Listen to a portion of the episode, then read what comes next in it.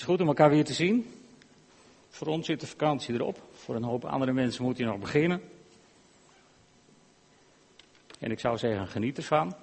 Vooral als het ook mooi weer blijft. Alhoewel sommige mensen het misschien wat te warm vinden. Vandaag wil ik met jullie terugkijken op een seizoensthema. Als het er is, ja. Volg jij mij? Daar zijn we vorig jaar september mee begonnen. We hebben het vanuit heel veel hoeken belicht. En het is zo langzamerhand een goede gewoonte om het dan af te sluiten met een korte terugblik. In september hebben we dat geïntroduceerd. Volg jij mij. Woorden die Jezus zei tegen Petrus in Johannes 21, vers 22. En ik heb toen gezegd, Petrus moet een hele moeilijke tijd achter de rug gehad hebben. Drie keer had hij de Heer Jezus verlogend. En wat zal hij zichzelf tegengevallen zijn? Hij had namelijk nogal een hoge pet op van zichzelf toen hij tegen Jezus zei, ja die anderen zullen misschien wel, maar ik niet hoor, ik heb mijn leven ervoor over. En een paar uur later vervloekte hij zichzelf om te ontsnappen aan de aanklachten die bij Jezus zou horen. Wat moet hij zichzelf ongelooflijk zijn tegengevallen? Ik weet niet hoe het met u is, maar misschien bent u ook wel eens teleurgesteld in uzelf. Dat je dacht van dat had ik nou niet moeten doen. En niet omdat je een foutje hebt gemaakt, maar echt omdat je een verkeerde keuze, een echte verkeerde keuze hebt gemaakt. Teleurgesteld zijn in jezelf. Maar goed, Petrus die krijgt van Jezus drie keer de kans om te zeggen dat hij van Jezus hield. Drie keer had hij Jezus verlogend. Drie keer kreeg hij de genade om zijn liefde voor Jezus uit te spreken. En voor de mensen die er omheen zaten, die kregen drie keer de boodschap mee dat Petrus de opdracht kreeg om voor de kudde te zorgen. Drie keer. Jezus herstelde volledig. Wat een genade. En dan wil Petrus zich nog even bemoeien met hoe het met Johannes zal gaan. En dan maakt Jezus hem heel goed duidelijk, Petrus, dat is niet jouw zaak. Ook tegen ons. Wij willen ons heel vaak bemoeien met het geloofsleven, met hoe andere mensen met hun geloof omgaan. En ik denk dat de centrale boodschap daarin is dat Jezus zegt, joh, daar ga jij niet over. Volg jij mij. Jij moet mij volgen, zegt het in de nieuwe Bijbelvertaling. En ik wil dat stuk graag met jullie lezen uit Johannes 21. Johannes 21 en ik begin bij vers 15. Toen ze gegeten hadden, sprak Jezus Simon Petrus aan, Simon, zoon van Johannes, heb je mij lief meer dan de anderen hier? Petrus antwoordde, ja, heer, u weet dat ik van u houd. Hij zei, wijd mij lammeren. Nog eens vroeg hij, Simon, zoon van Johannes, heb je me lief? Hij antwoordde, ja, heer, u weet dat ik van u houd. Jezus zei, hoed mijn schapen. En voor de derde maal vroeg hij hem, Simon, zoon van Johannes, hou je van me? Petrus werd verdrietig, omdat hij voor de derde keer vroeg of hij van hem hield. Hij zei, Heer, u weet alles, u weet toch dat ik van u houd? Jezus zei, wijd mijn schapen. Waarachtig, ik verzeker je, toen je jong was, deed je zelf je gordel om en ging je waarheen je wilde. Maar wanneer je oud wordt, zal een ander je handen grijpen, je je gordel omdoen en je brengen waar je niet naartoe wilt. Met deze woorden duidde hij aan hoe Petrus zou sterven tot eer van God. Daarna zei hij, volg mij. Toen Petrus zich omdraaide, zag hij dat de leerling van wie Jezus hield hem volgde. De leerling die zich tijdens de maaltijd naar Jezus toegebogen had om te vragen wie het was, die, wie hem zou verraden. Toen Petrus hem zag, vroeg hij aan Jezus, wat gebeurt er met hem, Heer? Maar Jezus antwoordde, het is niet jouw zaak of hij in leven blijft totdat ik kom. Maar jij moet mij volgen. Wat een heldere boodschap. Jij moet mij volgen. Je niet druk maken om je medegelovigen, andere gelovigen niet op de nek zitten omdat ze het naar jouw zin misschien wel anders doen, andere keuzes maken. Jij moet mij volgen, zegt Jezus. Heel helder. En er zijn verschillende manieren om Jezus te volgen. Je kunt daar de moderne media voor gebruiken, misschien. Twitter, Facebook en wat er zo langzamerhand maar bij is gekomen. Maar weet je, daardoor krijg je wel kennis maar je leert iemand niet kennen. Je weet van alles over iemand. Je volgt hem zogenaamd, maar je volgt hem niet na. Want je leert iemand niet kennen op deze afstandelijke manieren.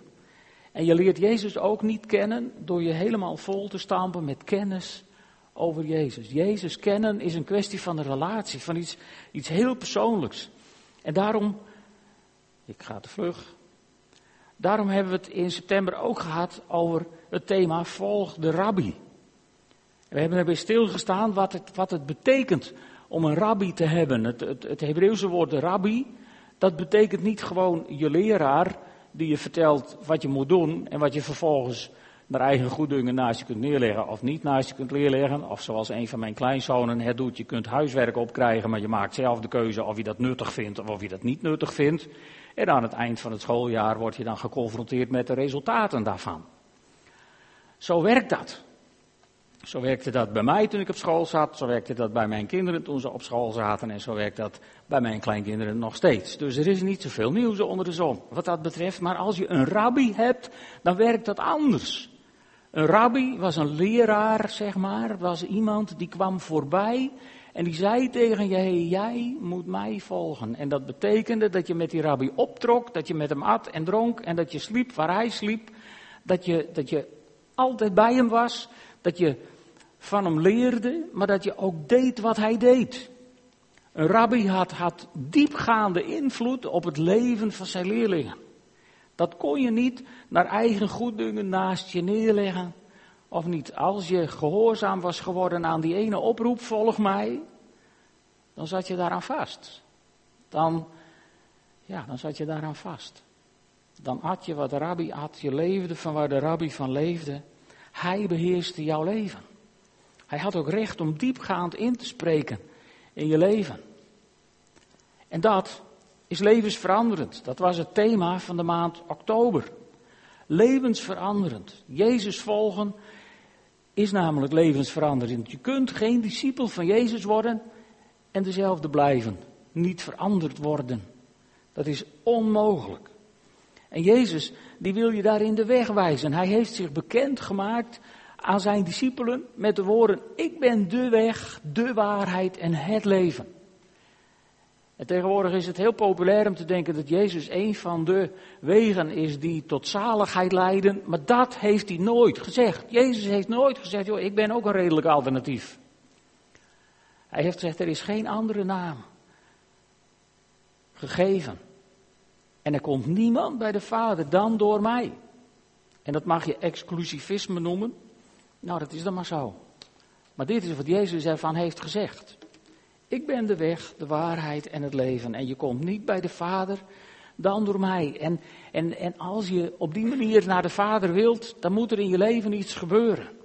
Zelfs toen Nicodemus, een, een, een schriftgeleerde notabene, een diepgelovig iemand bij Jezus kwam om te vragen hoe het moest.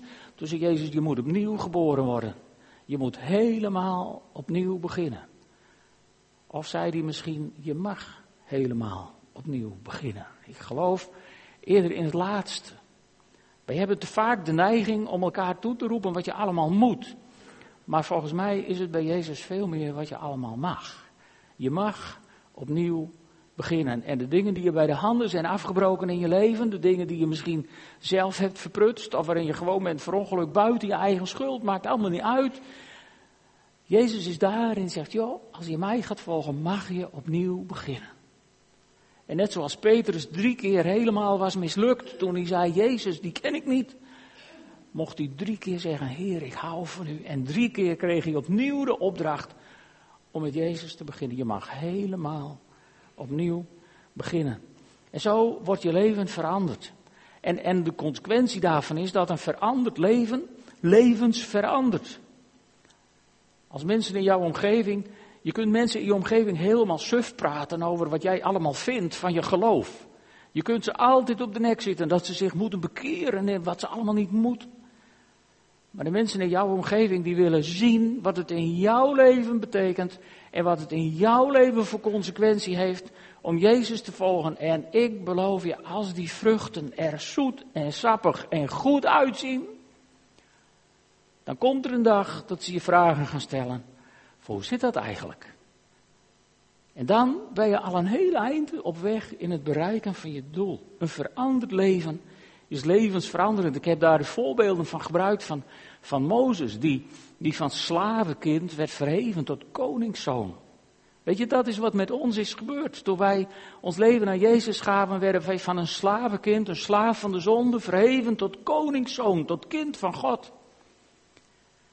En als prijs daarvoor werd Jezus van koningszoon tot asielzoeker, doordat hij naar deze wereld kwam en zijn heerlijkheid aflegde. Dat is ook wat met Mozes gebeurde toen hij moest vluchten voor de farao.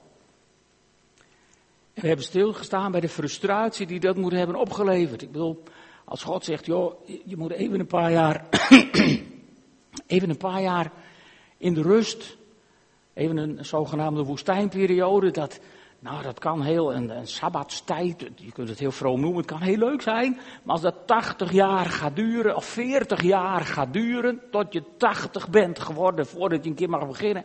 Ik beloof je dat dat ongelooflijk frustrerend geweest moet zijn. En we hebben gezien dat met Paulus hetzelfde gebeurde. De man die de gemeente vervolgde, door Jezus krachtig werd aangeraakt. En, en, en dan zou je denken, krachtig aangeraakt, yes, nu gaat het beginnen.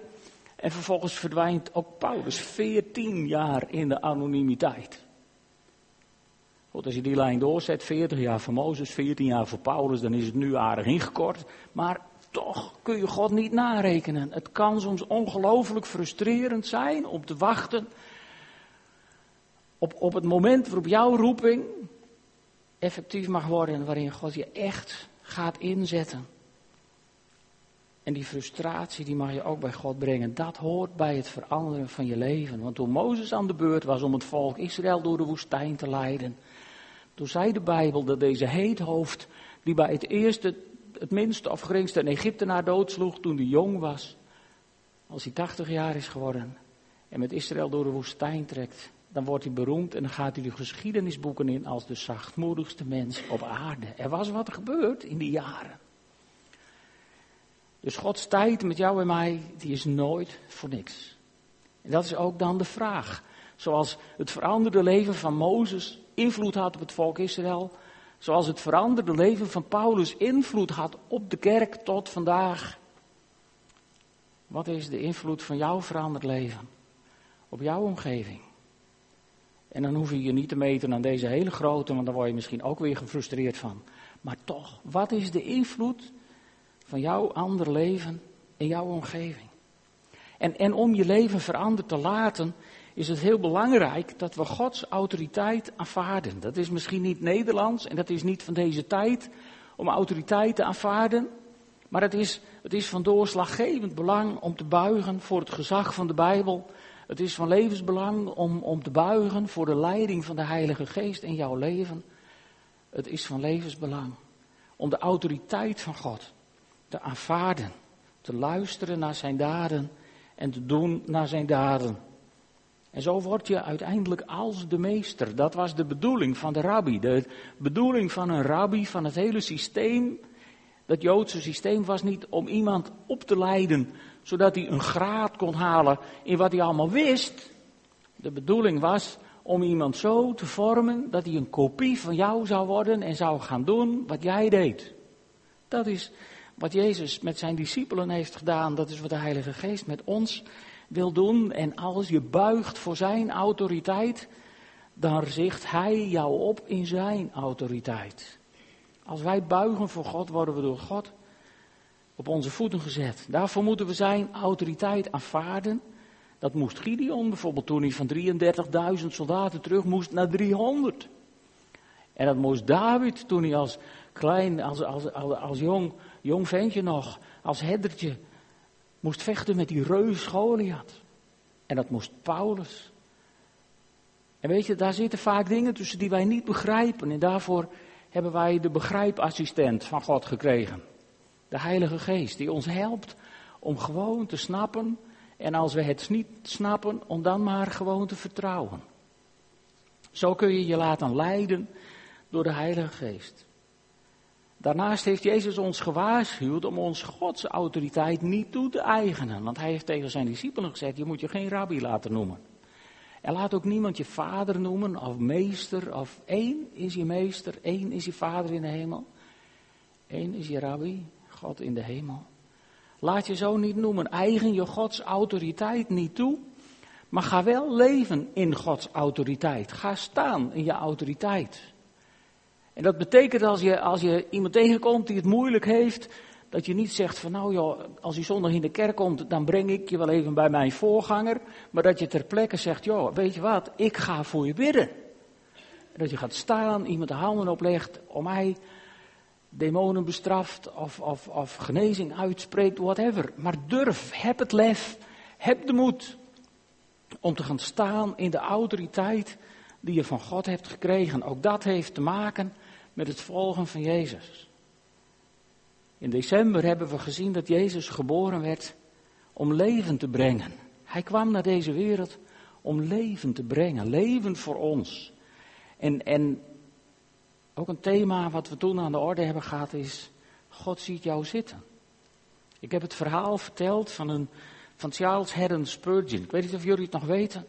Die als tiener verdwaald was in een sneeuwstorm, in een kerkje terecht kwam waar hij normaal gesproken nooit naar binnen zou gaan. Een heel peuterig kerkje wat geen enkel aanzien had. Er waren vijftien mensen.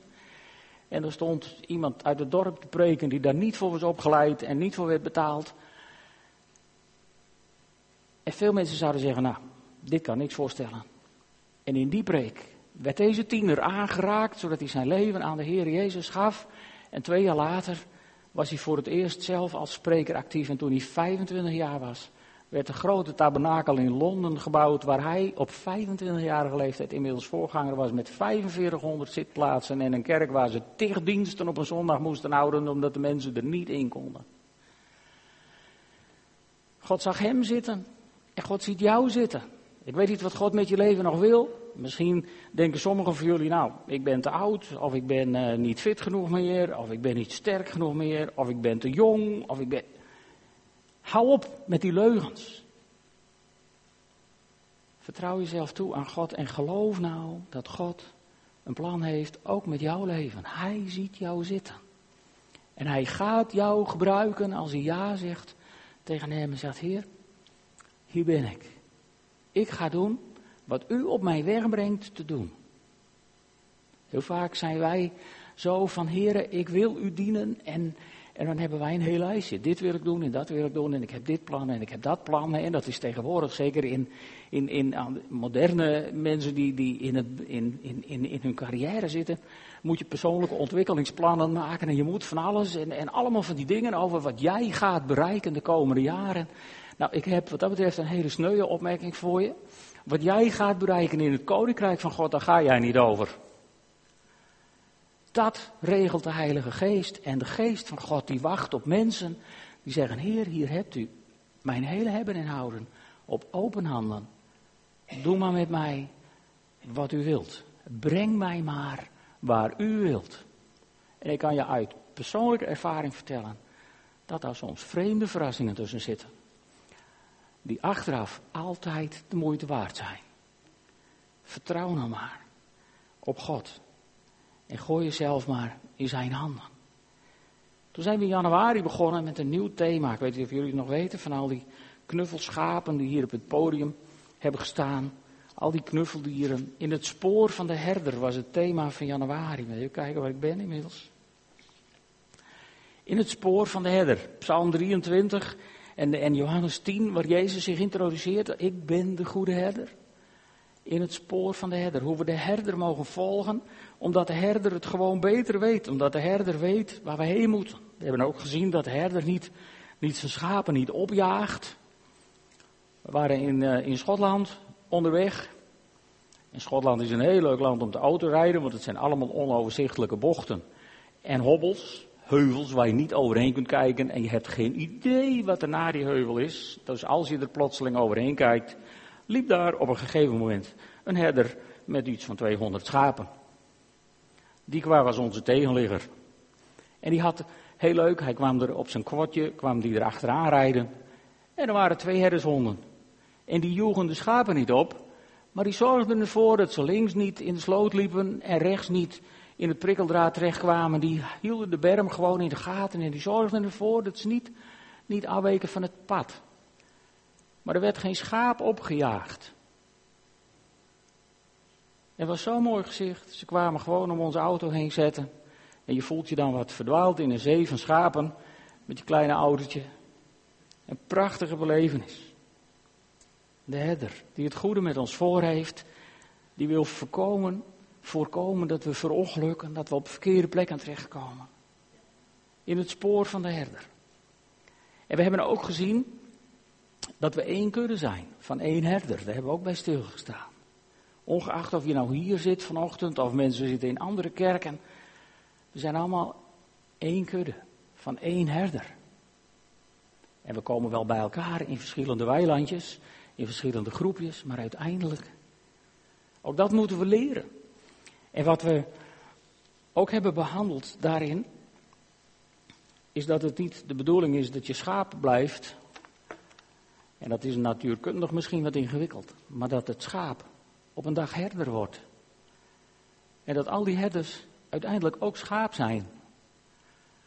Want je moet je laten leiden door de opperherder. Maar uiteindelijk is het de bedoeling dat je zelf ook verantwoordelijkheid hebt. Voor de schapen die aan jou zijn toevertrouwd.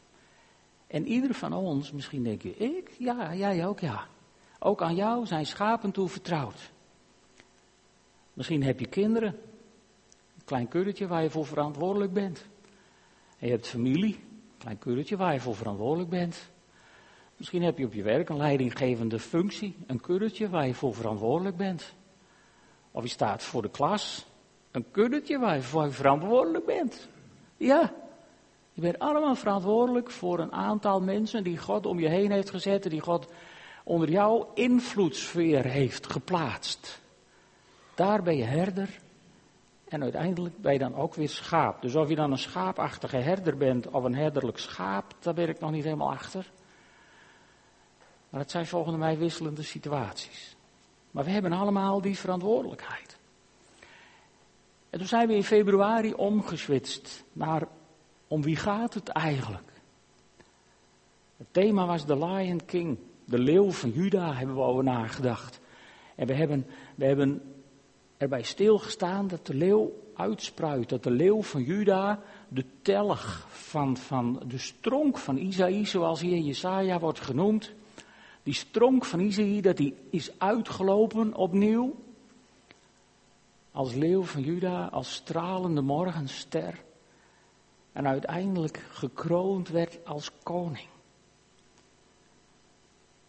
En die leeuw, die moeten we goed voor ogen houden.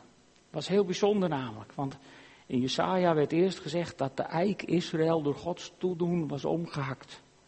En sommige bomen hebben de neiging, als je ze afzaagt, om op de stronk weer uit te lopen, maar een eik heeft volgens mij dat niet in huis. Dus dat is heel bijzonder. Als die weer uit gaat lopen. En dan staat het er zo mooi in Jesaja 11, vers 1. Maar de stronk van Isaïe die zal weer uitlopen. En dat hebben we gezien. In de Messias. In Jezus Christus, die onze koning is geworden. De koning Jezus Christus. En weet je, je volgt de koning niet alleen om wat hij zegt of om wat hij doet, maar ook om wie hij is. De wijzen die zochten een nieuwe koning en die vonden hem in Bethlehem. Nathanael, toen hij geroepen werd, erkende Jezus en die zei, Rabbi, u bent de zoon van God, u bent de koning van Israël. En Pilatus spijkerde aan het kruis een bord boven zijn hoofd, Jezus, de koning der Joden. Hij was de koning, dit was niet allemaal maar spot, hij was de koning. En vervolgens worden de discipelen ervan beschuldigd dat ze een andere koning willen dienen. Het veroorzaakt opschudding overal, omdat ze beweren dat je, dat je niet de keizer moet gehoorzamen, maar een andere koning, Jezus. En dat heeft ze diep in de problemen gebracht. En dat brengt nog steeds mensen diep in de problemen. Maar het wekt ook verwachting, want daarna hebben we stilgestaan bij een thema, de koning komt. De koning komt, de Joden verwachten dat en dat was met de intocht van Jezus in Jeruzalem precies op de goede dag. Zoals het in de Bijbel was voorspeld, maar ook wij geloven dat er een dag komt dat de koning terugkomt. Toch? In die verwachting leven we. In die verwachting worden veel mensen op de been gehouden op momenten dat het, dat het hier en nu gewoon te moeilijk, te ondoorzichtig, te zwaar, te verdrietig, te gevaarlijk is geworden, dan is dat de uiteindelijke hoop die we achter de horizon hebben. De koning komt. We gaan die koning weer ontmoeten. En die koning is geweest als ons offerlam. Ook daar hebben we bij stilgestaan hoe Jezus de Bijbelse profetieën vervulde toen hij binnenkwam in Jeruzalem. Precies op het juiste moment, op de juiste manier, vanuit de juiste richting. Alles klopte. En toch leidde dat er niet toe dat hij werd erkend als het offerlam. Daarna hebben we erbij stilgestaan dat Jezus de winnaar is geworden. Het leek er niet op toen hij smadelijk stierf aan het kruis en werd begraven. Maar toen hij de dag ervoor met zijn discipelen het avondmaal instelde, wat we straks gaan vieren, toen, toen zei hij tegen zijn discipelen, mijn tijd is gekomen. Niet de tijd van de rabbijnen, niet de tijd van Satan. Het was niet de tijd van de Romeinen of van de rabbies.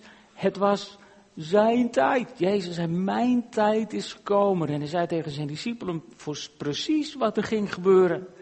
En toen hebben we er volgens mij ook bij stilgestaan hoe absurd het is dat je je overlijden aankondigt en daarna een afspraak maakt. Het moet vreemd zijn geweest voor die discipelen. Dat Jezus zei, morgen ga ik sterven. See you in Galilee. Hallo? Maar zo gebeurde het. En zo kwam het uit, want toen Jezus tegen Petrus zei, hé, hey, jij moet mij volgen. Toen waren ze in Galilea. Na zijn overlijden hadden ze deze goddelijke ontmoeting. En dat zei Jezus voordat hij ging sterven. Dus Pasen was gewoon een overwinningsfeest. Goed om voor altijd vast te houden. En met die winnaar mogen wij verbonden staan als we als een kind openstaan voor het koninkrijk van God. Als we ontzag hebben voor God en ons niet van hem afkeren. Want weet je, hij is voor je. Hij spreekt je vrij. Hij pleit voor je. En hij houdt je vast. Hij heeft een eeuwig verbond met je gesloten. In zijn bloed. En daarom is het belangrijk dat we ons laten leiden door Jezus. Daarvoor stuurde hij ons zijn Heilige Geest. Hij stuurde de Heilige Geest naar deze wereld en hij zei: Als de Heilige Geest over je is gekomen, dan zul je de volle waarheid ontdekken. Want de Geest zal je in de volle waarheid leiden. Ik heb toen ook aangegeven wat dat betekent als je de volle waarheid hebt gevonden. Dat betekende in mijn ogen onder andere dat je geen discussies meer hoeft te winnen. Dat je niet meer op je strepen hoeft te staan. Dat je in staat bent om de genade van Christus toe te passen. Ook op andere mensen vooral. En dat je, wanneer je het aan God durft over te laten, hoe het verder komt. Want Hij redt er wel mee. Maak je daar maar geen zorgen over. We hebben het gehad over de pleitbezorger, wat Hij met ons zou doen. Nou, het pleit van Christus beslechten in ons en ons pleit beslechten bij God. De ja, de, de intermediair, als het ware, tussen God en ons, de Heilige Geest. En de Heilige Geest die ons leidt door ons leven. En ik heb ook geprobeerd duidelijk te maken dat je je geen zorgen hoeft te maken of je die Heilige Geest wel hebt of niet. Want uit de Bijbel hebben we vast kunnen stellen dat als je je leven aan de Heer Jezus toevertrouwt, komt de Heilige Geest in je wonen. De vraag is dan nog hoeveel ruimte krijgt hij? Daar ben je zelf voor verantwoordelijk. Maar zo zijn we geleid door de Heilige Geest. En we hebben ook gezien op de zondag voor de leidende kerk dat als je je laat leiden door de Geest, dat dat soms tot lijden leidt. Als je de lange en de korte eieren nou goed neerzet, snap je dit precies. We hebben het voorbeeld uit de Bijbel gezien van Micha, die deed wat de geest wilde en eindigde in de gevangenis. Van Jeremia, die deed wat God hem opdroeg en eindigde in de gevangenis. We hebben het voorbeeld gezien van de apostelen. Die deden wat de Heilige Geest en Jezus hen had opgedragen en werden gegezeld en vervolgd en gemarteld.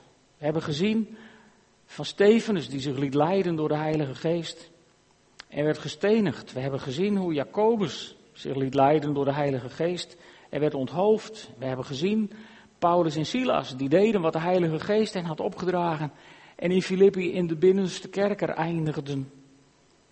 We hebben ook genoemd Pater Frans van der Lucht in Syrië, die deed wat de Heilige Geest hem had opgedragen en werd doodgeschoten omdat hij niet van plan was om de kudde waar hij voor verantwoordelijk was in de steek te laten. En zo hebben wij weer stilgestaan dat ontzettend veel onbekende helden vandaag de dag lijden omdat ze zich laten leiden door de geest van God en er niet voor weggaan. En dat brengt ons bij het laatste. In juni was het thema de weg vervolgen en eigenlijk is dat voor iedereen individueel. Daar kun je niet zoveel collectiefs over zeggen. Tenminste niet terugkijken op wat ik nu allemaal heb gezegd. Volg jij mij, zegt Jezus tegen jou en tegen mij, tegen ieder van ons persoonlijk. Volg jij mij. Ik ga jou de weg wijzen die jij met mij mag gaan. Ik heb, ik heb opdrachten voor jouw leven en die ga ik jou duidelijk maken. Die kun je niet uitbesteden aan een ander. Die moet je ook niet als wet voorschrijven aan een ander. Wat ik jou laat zien om te doen in jouw leven. Dat is jouw verantwoordelijkheid. Dat is mijn vraag aan jou persoonlijk. Om mij te volgen. En dat te gaan doen waar ik je breng. En dan hoef je nooit bang te zijn. Want het plaatje waar ik dit hele seizoen naar heb gekeken en zo blij mee ben geweest. Dat is deze. En dan acht ik mijzelf als het kleintje. Even voor alle duidelijkheid. Als Jezus tegen mij zegt, jij moet mij volgen, dan hoef ik alleen maar achter hem aan. En dit kleintje, dat volgt iemand die de schrik is van alle dieren op de aarde. Ieder dier is doodsbenauwd bij het verschijnen van koning Leeuw. Behalve dit kleintje. Want die weet, dit is mijn vader, die heeft het beste met mij voor, die doet mij niks, die eet mij niet. Dat is natuurlijk ook wel een hele geruststelling. Zo mogen wij door het leven gaan, wetend dat degene die zegt, volg jij mij, weet je, je kunt iemand alleen volgen als hij voor je uitgaat. En als Jezus tegen jou zegt, volg mij, dan mag je één ding 100% zeker weten, dan gaat hij voor je uit. En als de leeuw van Juda voor je uittrekt, dan siddert elke demon. Dan is het rijk van de duisternis erop op gespitst om een paar stappen achteruit te doen. Want de leeuw van Juda is jou en mij een beschermer. En als hij zegt, volg jij mij, dan hoef je nergens bang voor te zijn. Maar dan mag je heel nieuwsgierig, net als dit kleintje, over de rand van de heuvel kijken. En denken, wat zou er achter de volgende heuvel liggen? Zullen we samen een moment bidden? Vader in de hemel, wat is het geweldig om, om in dit vertrouwen te mogen leven, dat u voor ons uitgaat. Dat u de machtige leeuw van Juda bent. Dat u de schepper bent van hemel en aarde, de heerser over alle dingen. En Heer, als we u volgen, hoeven we nergens bang voor te zijn. Vergeef ons daarom die tijden dat we ons tegen hebben laten houden. Door angst. Vergeef ons de tijden waarin we ons bemoeid hebben met hoe die ander u volgde. En leer ons meer en meer, Heere God, om heel nieuwsgierig achter u aan te komen. Stap voor stap, niet voor u uit, maar achter u aan. Ik dank u wel, Heere God, dat u ons daarvoor op hebt genomen in een nieuw verbond, wat u sloot in uw bloed de dag voordat u stierf aan het kruis. Heere, ik dank u daarvoor. Ik prijs uw naam daarvoor. En ik bid u, Heere, zegen ook de tijd waarin we nu dat gaan gedenken in het avondmaal. Heer, en als we dat gaan doen, dan wil ik ook dit brood en de wijn zegenen in de naam van de Vader, in de naam van de Zoon en in de naam van de Heilige Geest. Amen.